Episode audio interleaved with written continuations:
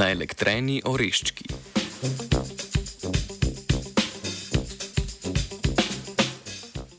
Ko treseš mešanico oreščkov, se na vrh dvignejo veliki brazilski oreščki. Enak pojav lahko opazimo v sistemih koloidov, disperzijah netopnih delcev v topilu. V takih sistemih težji delci plavajo nad lažjimi, zato temu učinku pravimo tudi pojav brazilskega oreščka. Dosedanje te teoretične in numerične raziskave so pokazale, da se pojav lahko zgodi tudi spontano, brez zunanjega dotoka energije, kot naprimer tresenja vrečke oreščkov. Teoretične napovedi je polsko-nizozemska raziskovalna skupina eksperimentalno potrdila in svoje izsledke objavila v reviji PNAS.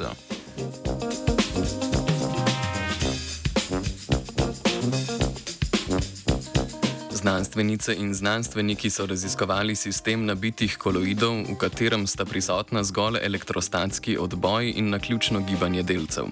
V ta namen so uporabili nabite polimetilmetakrilatne delce različnih premerov. Omešali so jih v nizko polarno topilo iz cikloheksil bromida. S prvim delom poskusa so potrdili napoved, da do pojava brazilskega oreščka pride, kadar imajo večji oziroma težji delci manjše razmerje med maso in nabojem v primerjavi z razmerjem pri manjših ter lažjih delcih.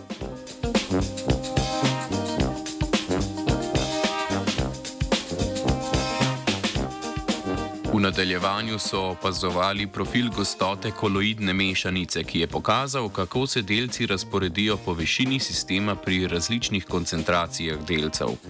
Ugotovili so, da je poleg razmerja nabojev delcev zelo pomemben parameter gostota sistema. Pri višjih gostotah imajo delci manj prostora za premikanje in počasna dinamika prepreči, da sistem preide v ravnovesje pre prerasporejenih koloidov v skladu z učinkom brazilskega oreščka.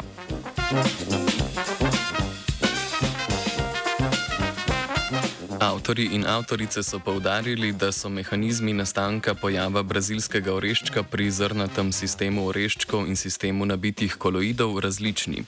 Pri mešanici oreščkov manjši delci zapolnijo vrzeli nastale med tresenjem sistema in tako potisnejo večje oreščke na vrh. Pri sistemu nabitih delcev pa se pričnejo koloidi naključno gibati zaradi trkov z okoliškimi molekulami. Vsak delec je namreč pozitivno nabit, vendar pa se večji delci z večjim nabojem bolj odbijajo med sabo, zato se navzgor gibajo lažje kot manjši delci.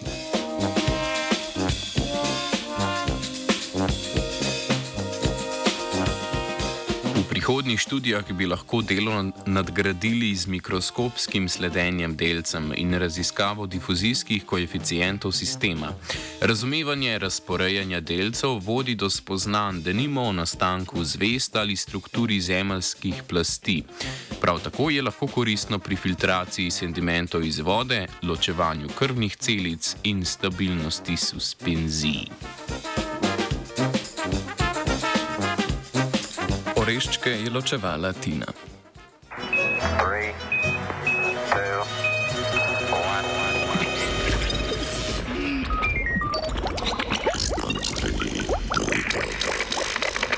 Bože, nimo si že ta radio naravno stužile.